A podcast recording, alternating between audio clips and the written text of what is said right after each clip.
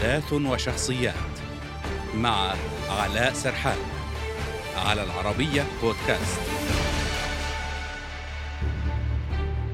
علاقة قديمة تسببت بفضيحة لا مثيل لها في تاريخ الحكومة البريطانية. ألقت بضغوط على رئيس الوزراء ودفعت وزير الصحة إلى الاستقالة من منصبه.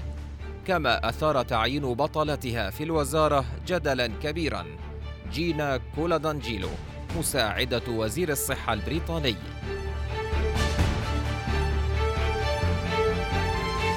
قدم الوزير مات هانكوك استقالته بعد الفضيحة التي هزت أروقة وزارة الصحة بسبب مقطع فيديو وصور جمعته مع مساعدته دون مراعاة إجراءات التباعد الاجتماعي التي وقع على اتباعها.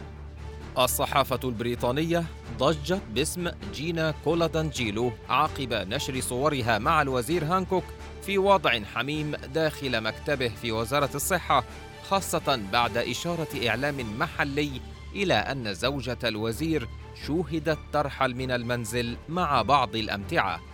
ليست هذه المرة الأولى التي تثير فيها جينا كولادانجيلو جدلا في وزارة الصحة إذ شكل تعيينها بدوام جزئي في سبتمبر 2020 أزمة سابقة مع مات هانكوك وتصدر الخبر عناوين الصحف لأن الوظيفة الشاغرة لم يعلن عنها إلا في أماكن قليلة جداً.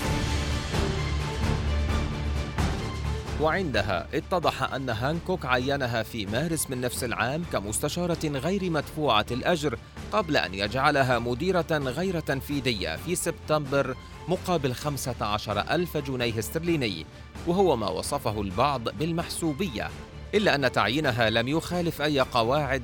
وفق صحيفة تيليغراف ويرجع ذلك جزئيا إلى عدم وجود قواعد بشأن من يمكن لرئيس دائرة حكومية تعيينه.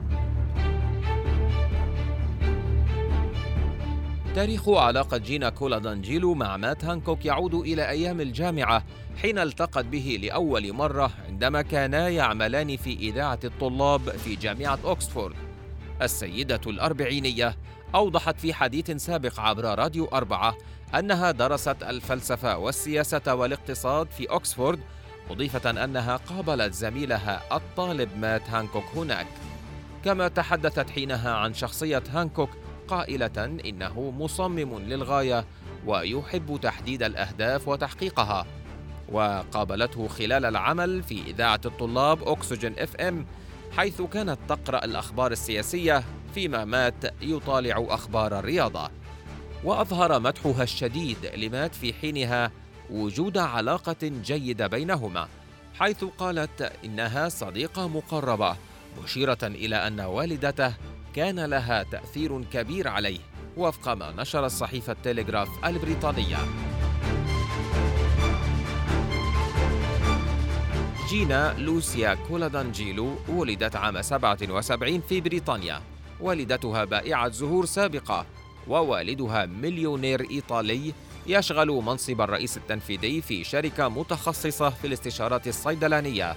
فيما تقدر ثروتها هي بحوالي مليونين إلى أربعة ملايين دولار أمريكي. لها شقيق يصغرها في العمر يعمل في شركة طبية أيضا.